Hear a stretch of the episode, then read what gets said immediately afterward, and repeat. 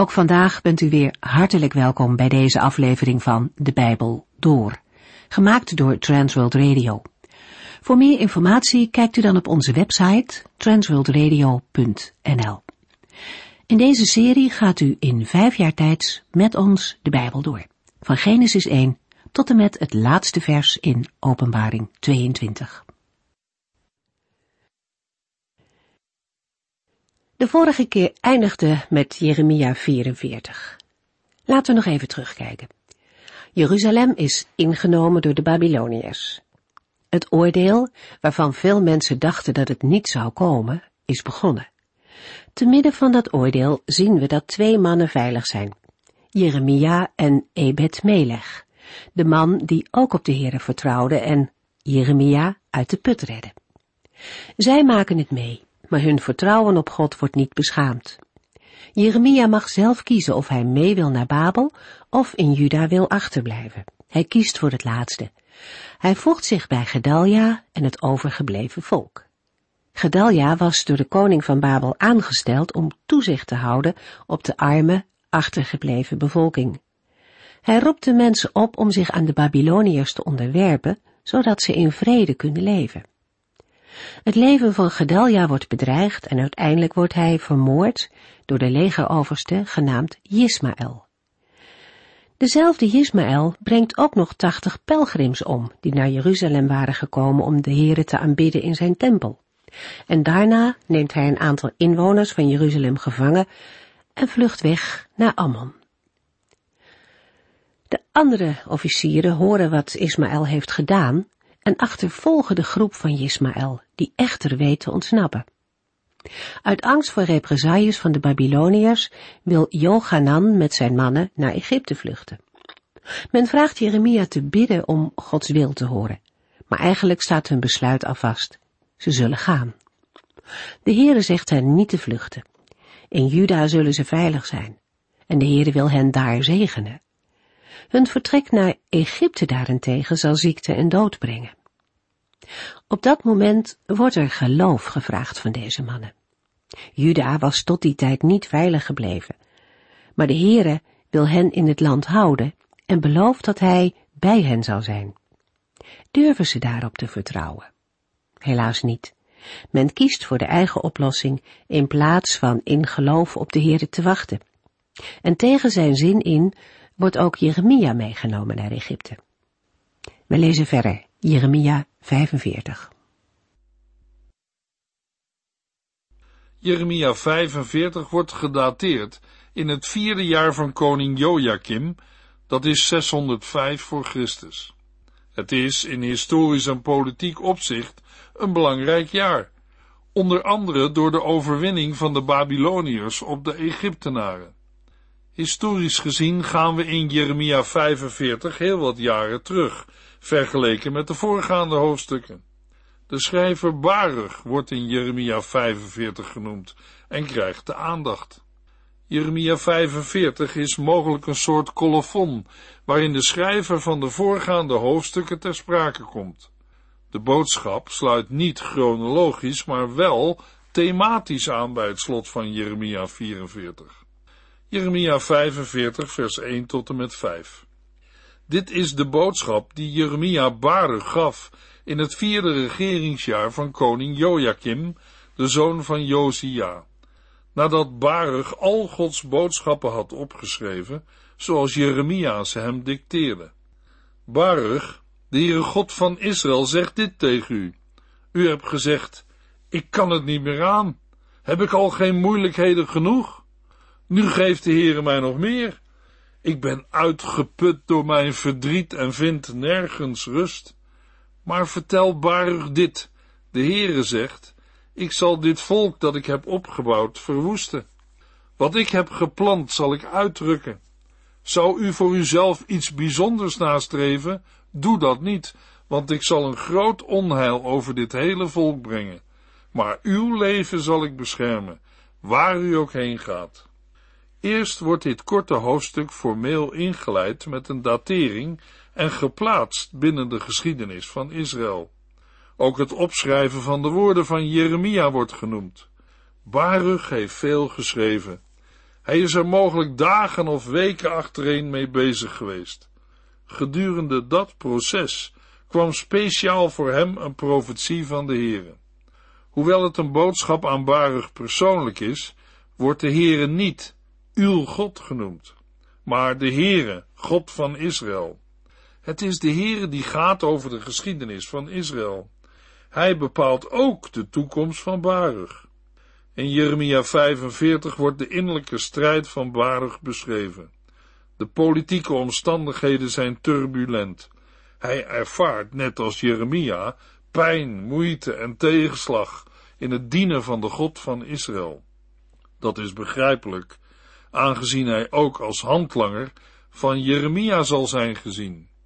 De woorden in vers 2, u hebt gezegd, ik kan het niet meer aan, geven aan dat Baruch een klacht tegen de Heere heeft geuit. Gods reactie is niet meteen vertroostend, eerder zorgwekkend. De Heere geeft aan dat hij vernietigend zal optreden over de hele aarde. De keuze van de gebruikte werkwoorden is interessant, aangezien ze ook voorkomen in Jeremia 42 vers 10, maar dan in de positieve zin van een belofte. De Heere zegt ook, ik zal een groot onheil over dit hele volk brengen. Hij zal zelf vernietigen wat hij heeft gemaakt, niet iemand anders. Vanwege het komende oordeel moet Baruch zich niet richten op grote dingen, te weten zijn eigen ambities. Hij moet geen bijzondere dingen voor zichzelf nastreven. Maar er is wel een bijzondere gunst en genade voor Baruch. Hij mag namelijk blijven leven. De belofte dat de Heere het leven van Baruch zal beschermen kan inhouden dat hij niet meer dan het veegelijf redt. De belofte is minimaal geformuleerd en laat blijken hoe groot de problemen zijn die Juda door Gods toorn ervaart. Jeremia 45 is bestemd voor een hoogopgeleide schrijver, die zich volledig heeft gegeven voor de zaak van de Heere, in een tijd waarin Gods toorn werd uitgestort over een zondig volk. Het was de taak van Baruch om Jeremia te assisteren, een profeet die bespot en bedreigd werd en van wie het leven in gevaar was. Baruch heeft meegeleden met de ware profeet van de Heere. De Heere heeft voor Baruch goed en slecht nieuws. Het slechte nieuws is dat de Heere soms zijn boosheid kan uitstorten, ondanks enkele rechtvaardigen. Daarom moet Baruch ook geen bijzondere dingen voor zichzelf nastreven. Het goede nieuws is dat de Heere het leven van Baruch zal beschermen en sparen, in tegenstelling met vele andere van zijn volksgenoten. Baruch is hiermee een concreet voorbeeld van Habakkuk 2 vers 4b, waar staat dat de mensen die rechtvaardig zijn, door hun geloof echt zullen leven. Ook Ezekiel spreekt over een enkeling die door zijn rechtvaardigheid zal weten te ontkomen en zal worden gered, ondanks het feit dat Gods oordeel voltrokken wordt. Zulke voorbeelden spreken van Gods trouw, te midden van oordelen die worden uitgevoerd. Met deze woorden wordt een lange geschiedenis over ontrouw en mislukking afgesloten. De Israëlieten zijn niet in staat geweest om de Heere trouw te blijven. Daarom zullen zij lijden vanwege hun ongehoorzaamheid en onbekeerlijkheid. Toch lezen we in Jeremia 45 een kiem van hoop voor Baruch. Daarmee is er ook verband en overeenkomst met de volgende hoofdstukken die naast onheilsvoorzeggingen ook korte heilsprofetieën bevatten. Uiteindelijk eindigt Jeremia 52 ook met een boodschap van hoop, doordat Joachim na 37 jaar uit de gevangenis in Babel wordt vrijgelaten. We gaan verder met Jeremia 46. Jeremia 46 tot en met 51 bevat de oordeelsprofetieën tegen negen volken. Achtereenvolgens komen Egypte, Filistea, Moab, Ammon, Edom, Damascus, Kedar en Gazor, Elam en Babel aan de orde. Van belang is de plaats van Egypte op de eerste en Babel op de laatste plaats in Jeremia 46 tot en met 51. Het betreft de twee grote machten die de wereld van Jeremia's dagen beheersen. Het accent ligt op de val van Babel, Het volk dat Juda op zo'n wrede wijze zal onderdrukken. In de climax loopt alles uit op de nederlaag van dit volk. Redactioneel is de bundel een eenheid door een opschrift aan het begin en het eind. De ijdele hoop van hun leiders, hun goden en hun eigen nationale kracht worden scherp bekritiseerd.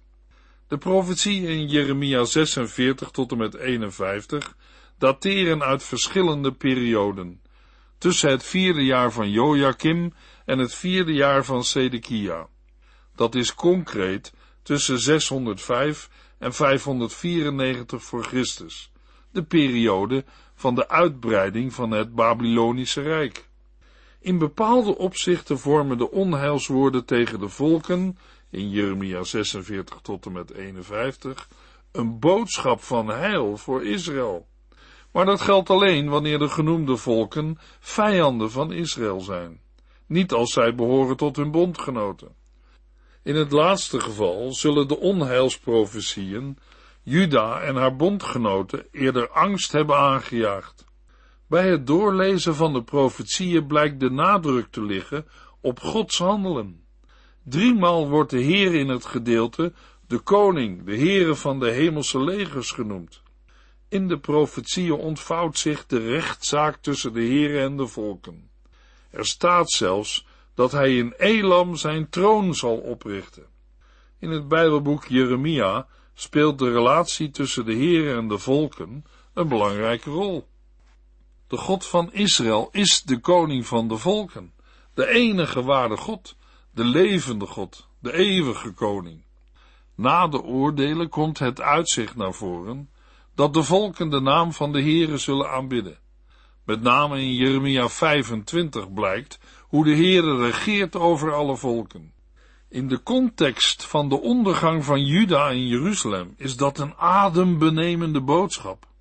In de grote verwarring en onzekerheid wijst de profeet Jeremia op de Heere, die alles regeert.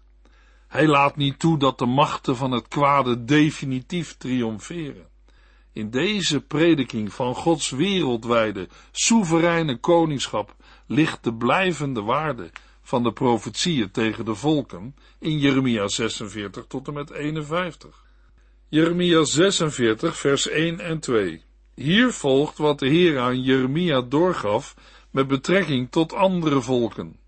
Dit is wat de Heere doorgaf over Egypte na de slag bij Karkemis, waar het leger van Farao Nego bij de Eufraat werd verslagen door koning Nebukadnessar van Babel. Dat gebeurde in het vierde regeringsjaar van koning Joachim van Juda, de zoon van Josia. De eerste onheilstijding is voor het Egyptische leger. De aanleiding is de historisch belangrijke nederlaag tegen de Babyloniërs in 605 voor Christus bij Karkemis. Tot de slag bij Karkemis oefende Egypte de macht uit in Juda. In 609 voor Christus doorkruiste farao Nego Israël om de Babylonische opmars te stoppen. Koning Josia sterft in een poging Nego tegen te houden. In 605 voor Christus stuurt de Babylonische koning zijn zoon Nebukadnessar naar Karkemis en deze verslaat de Egyptenaren. Kort daarna sterft zijn vader en wordt Nebukadnessar de koning van Babel, zoals Jeremia hem in Jeremia 46 noemt. Jeremia is bezorgd voor de agressie van Babel en voorziet dat niemand kans maakt tegen dit land. In de versen 3 en 4 verwoordt Jeremia spottend de zelfverzekerdheid waarmee de Egyptische soldaten hun schilden ter hand nemen, hun paarden voor de wagens spannen, hun speren slijpen en bepanserd ten strijde trekken. Zij willen de Babylonische opmars stoppen, maar daar komt niets van terecht. Jeremia doet net of hij vol verbazing is en roept, maar kijk, het Egyptische leger slaat in paniek op de vlucht. Verslagen rennen de dapperste soldaten weg zonder achterom te kijken.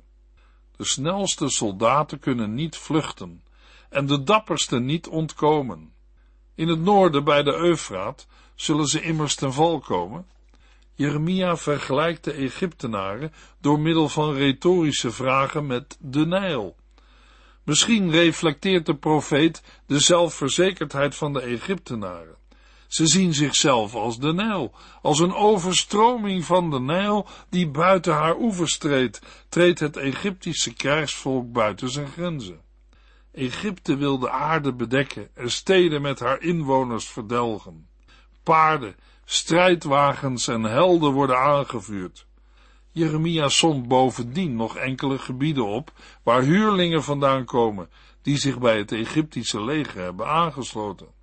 De namen die Jeremia noemt zijn volken die Egypte omringen. De slag bij Karkemis gaat niet alleen tussen het falende Egypte met bondgenoten en Babel, maar tussen de Here en zijn vijanden. Het is een dag van wraak van de Here, de God van de hemelse legers. Het zwaard wordt voorgesteld als een verslindend persoon en drinkt het bloed van Gods vijanden. God wreekt zich en de doden worden als het ware als een slachtoffer aan hem geofferd. In vers 11 biedt Jeremia het zwaar getroffen buurland figuurlijk medische hulp uit eigen thuisland aan. Genezende zalf uit Gilead. Het klinkt ironisch, want de Egyptische geneeskunde stond op een hoog pijl. Maar het zal niet baten, want de verwonding van Egypte is te ernstig. De volken horen van de vernedering en schande waarvoor Jeremia al lang had gewaarschuwd. De beste Egyptische soldaten zijn gesneuveld en Egypte krijgt internationaal de reputatie van verliezer. Jeremia 46 vers 13 tot en met 15. Toen gaf de Heere Jeremia de volgende boodschap over de komst van koning Nebukadnessar van Babel om Egypte aan te vallen. Roep het om in Egypte. Maak het bekend in de steden Migdol, Memphis en Tachpanges. Maak u klaar voor de strijd, want het vernietigende zwaard zal iedereen verslinden. Waarom zijn uw machtige soldaten gevallen en niet weer opgestaan? Omdat de Heere hen neersloeg. In vers 13 richt de Heere het woord tot de profeet Jeremia over de invasie van Nebukadnessar in Egypte. Boodschappers moeten Egypte gaan waarschuwen, zowel de grenssteden als de hoofdstad. Een slachting is al aan de gang. Alle volken rondom zijn al afgeslacht. Het machtige leger ligt gevloerd, niet omdat Babel het ten val bracht, maar omdat de Heere dat doet. Nu sneuvelen de Egyptenaren en vluchten de overlevenden terug naar hun land. Ze zeggen tot elkaar dat ze vanwege het zwaard van de onderdrukker moeten terugkeren naar hun eigen volk. De farao wordt opschepper genoemd. Hij gaat de geschiedenis in als een koning die zijn kans niet heeft gegrepen. De echte koning, de Heere van de hemelse legers, zweert een plechtige eed dat Egypte overweldigd zal worden door koning Nebukadnessar van Babel. Dat is zo zeker als de berg Tabor uitsteekt boven andere bergen en zo zeker als de berg Karmel aan de kust ligt. Jeremia voorziet dat Egypte zal overkomen, wat Juda ook heeft meegemaakt. Zo noemt hij in de Hebreeuwse tekst Egypte dochter en zegt de hoofdstad Memphis de totale verwoesting en ballingschap aan met dezelfde typische rouwende toon als hij voor de verwoeste dochter Juda gebruikte. Het is een tragedie die Jeremia maar al te goed kent. Vers 19. Pak uw bezittingen bij elkaar, maak u klaar om in ballingschap te gaan, inwoners van Egypte. De hoofdstad Memphis wordt met vuur verbrand en het land wordt een woestenij, waar geen mens meer in kan wonen. Egypte lijkt op een mooie jonge koe, een vrouwelijk kalf, een symbool van landelijke pracht, maar ook van kwetsbaarheid. Want een kalf is machteloos tegenover een horzel, waarvan een steek vaak noodlottig is voor een rund. Zo is Egypte machteloos tegenover het onafwendbare gevaar uit het noorden. Mogelijk speelt de machteloosheid van de stiergod Apis mee op de achtergrond van deze beeldspraak. Huursoldaten die in het Egyptische leger meevechten, zullen evenzo delen in het lot van Egypte. Ze zijn als vetgemeste kalveren, klaar om te worden geslacht. Ze vluchten, houden geen stand tegen de vergelding. Egypte vlucht weg als een sissende slang voor een onmetelijk leger houthakkers die met bijlen een bos omkappen. Hoewel verovering vaak gepaard ging met het vernietigen van wouden en boomgaarden, stond Egypte niet bepaald om haar bossen bekend. Verschillende elementen duiden erop dat dit beeldspraak is voor de teloorgang van de Egyptische nationale trots. De slang is een belangrijk element in de Egyptische godsdienst en een symbool van koninklijke macht. Ook het beeld van een leger houthakkers past erbij. Jeremia 46 vers 24 Het volk van Egypte is verslagen, in de handen gevallen van het volk uit het noorden. In de versen 25 en 26 volgt een samenvattend profetisch woord over het oordeel voor Egypte en de bevrijding uit de gevangenschap voor Juda. De Heere brengt oordeel over alle Egyptische goden, vertegenwoordigd door de voornaamste god Amon van Thebe. Het is interessant dat behalve de hoofdstad van het noorden, Memphis, nu ook de hoofdstad van zuidelijk Egypte wordt genoemd. De Babylonische troepen zullen heel het Egyptische koninkrijk veroveren. De farao wordt gestraft, net als de goden en de bondgenoten. Egypte wordt aan de koning van Babel overgeleverd. Niettemin blijft het bij een bestraffing voor Egypte. Er komt geen totale, definitieve vernietiging. Zoals vaker beloofd wordt aan veroordeelde volken, wordt ook Egypte na afloop eerherstel beloofd, zonder dat direct duidelijk is wanneer dit gebeurt. De redding van Egypte kan worden opgevat in dezelfde context als Jesaja 19 en Ezekiel 29, waarin Egypte zal herstellen van Gods oordeel, maar te klein zal blijven om Juda te kunnen verleiden tot een militair bondgenootschap. Jeremia 46 vers 27 en 28 Maar u hoeft niet bang te zijn, volk van mij dat terugkeert naar uw eigen land. Wees niet angstig, want ik zal u uit dat verre land bevrijden en uw kinderen uit de gevangenschap terugbrengen. Ja, Israël zal terugkeren en rust krijgen. Niets zal haar nog bang maken. Wees niet bang, mijn dienaar Jacob, zegt de Heere, want ik ben bij u. De volken waarheen ik u in ballingschap gestuurd heb, zal ik vernietigen. Maar u verwoest ik niet volledig. Ik zal u straffen maar niet meer dan nodig is om u op het rechte pad te houden. Een bekend troostwoord voor Juda sluit Jeremia 46 af. Als de Heer Egypte herstel gunt, hoeveel te meer dan zijn dienaar Jacob, dat hij uit het verre Babel zal redden, terugbrengen en veilig doen wonen. De Heere zal een einde maken aan alle volken naar wie hij Israël ooit verdreef.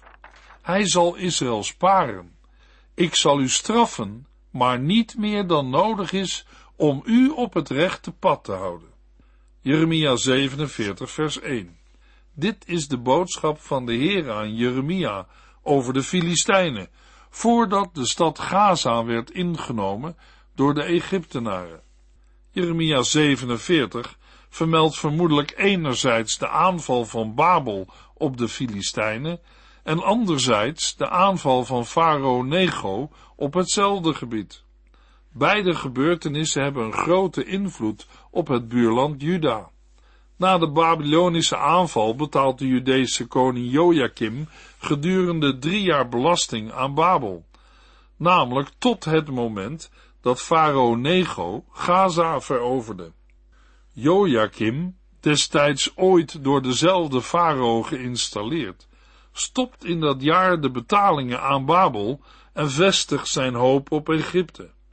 Maar al deze ontwikkelingen leiden tot schijnoplossingen waartegen Jeremia al lang heeft gewaarschuwd. Er is van Egypte geen hulp te verwachten. Net zoals de Heere de Filistijnen aan de Babyloniërs zal onderwerpen, onderwerpt de Heere Juda aan de Babyloniërs, omdat Juda dit heeft verdiend. Het verzet van koning Joachim zal leiden tot zijn afzetting en tot het installeren van vazalkoning Sedekia en indirect tot de ballingschap zelf. Jeremia 48 vers 1 Dit is wat de Heere van de hemelse legers, de God van Israël, over Moab zegt. Vers 2 vermeldt, het is afgelopen met Moabs roem, want er is een samenzwering tegen hem gesmeed. De woorden van Jeremia 48 hebben betekenis voor Israël. Israël hoort dat de bondgenoten ten onder zullen gaan. Heeft Moab de boodschap ook zelf gehoord? Misschien in 594 voor Christus in Jeruzalem. Uitleggers wijzen erop dat Moab mogelijk zelf heeft geluisterd naar deze woorden door in de periode daarna niet in opstand te komen tegen Nebukadnessar, zoals Sedekia in Juda deed. In 582 voor Christus heeft Nebukadnessar Moab verwoest. Het is niet bekend of er toen ballingen zijn weggevoerd, maar dat zou wel passen in de Babylonische politiek. Jeremia brengt de boodschap in aangrijpende, concrete beelden. Allerlei plaatsen worden genoemd om elk misverstand uit te sluiten. Duidelijk blijkt dat de Heere regeert. Hij is niet alleen de God van Israël, maar bestuurt ook heel de wereld. Hij bepaalt wat recht is en kan volken straffen in zijn boosheid. Wat kort na het uitspreken van Jeremia 48 is gebeurd, zal eenmaal op nog veel grotere schaal plaatsvinden, zoals de oordelen in het Bijbelboek Openbaring duidelijk maken. Jeremia 48 vers 47 maakt ook duidelijk dat de bestraffing van de Heere ook grenzen heeft. Maar in de laatste dagen zal ik een ommekeer brengen in het lot van Moab, zegt de Heere. Hier eindigt de profetie over Moab. Jeremia maakte in Jeremia 48 ook gebruik van eerdere woorden uit de Bijbelboeken Numeri en Jezaja. Daarmee wordt duidelijk dat er continuïteit is in de boodschap en ook dat de profeet geworteld is in de Joodse traditie en godsdienst. De profeten brachten lang niet altijd nieuwe zaken naar voren. Oude en nieuwe zaken werden gebruikt om mensen terug te roepen tot de God van Israël. De Heere heeft uiteindelijk het heil van mensen op het oog. Een boodschap die in het Nieuwe Testament verder wordt uitgewerkt. Ook vandaag roept de levende God mensen door de verkondiging van het evangelie. In de volgende uitzending lezen we Jeremia 49 tot en met 52. U heeft geluisterd naar De Bijbel Door, in het Nederlands vertaald en bewerkt door Transworld Radio. Een programma waarin we in vijf jaar tijd de hele Bijbel doorgaan. Als u wilt reageren op deze uitzending of u heeft vragen, dan kunt u contact met ons opnemen.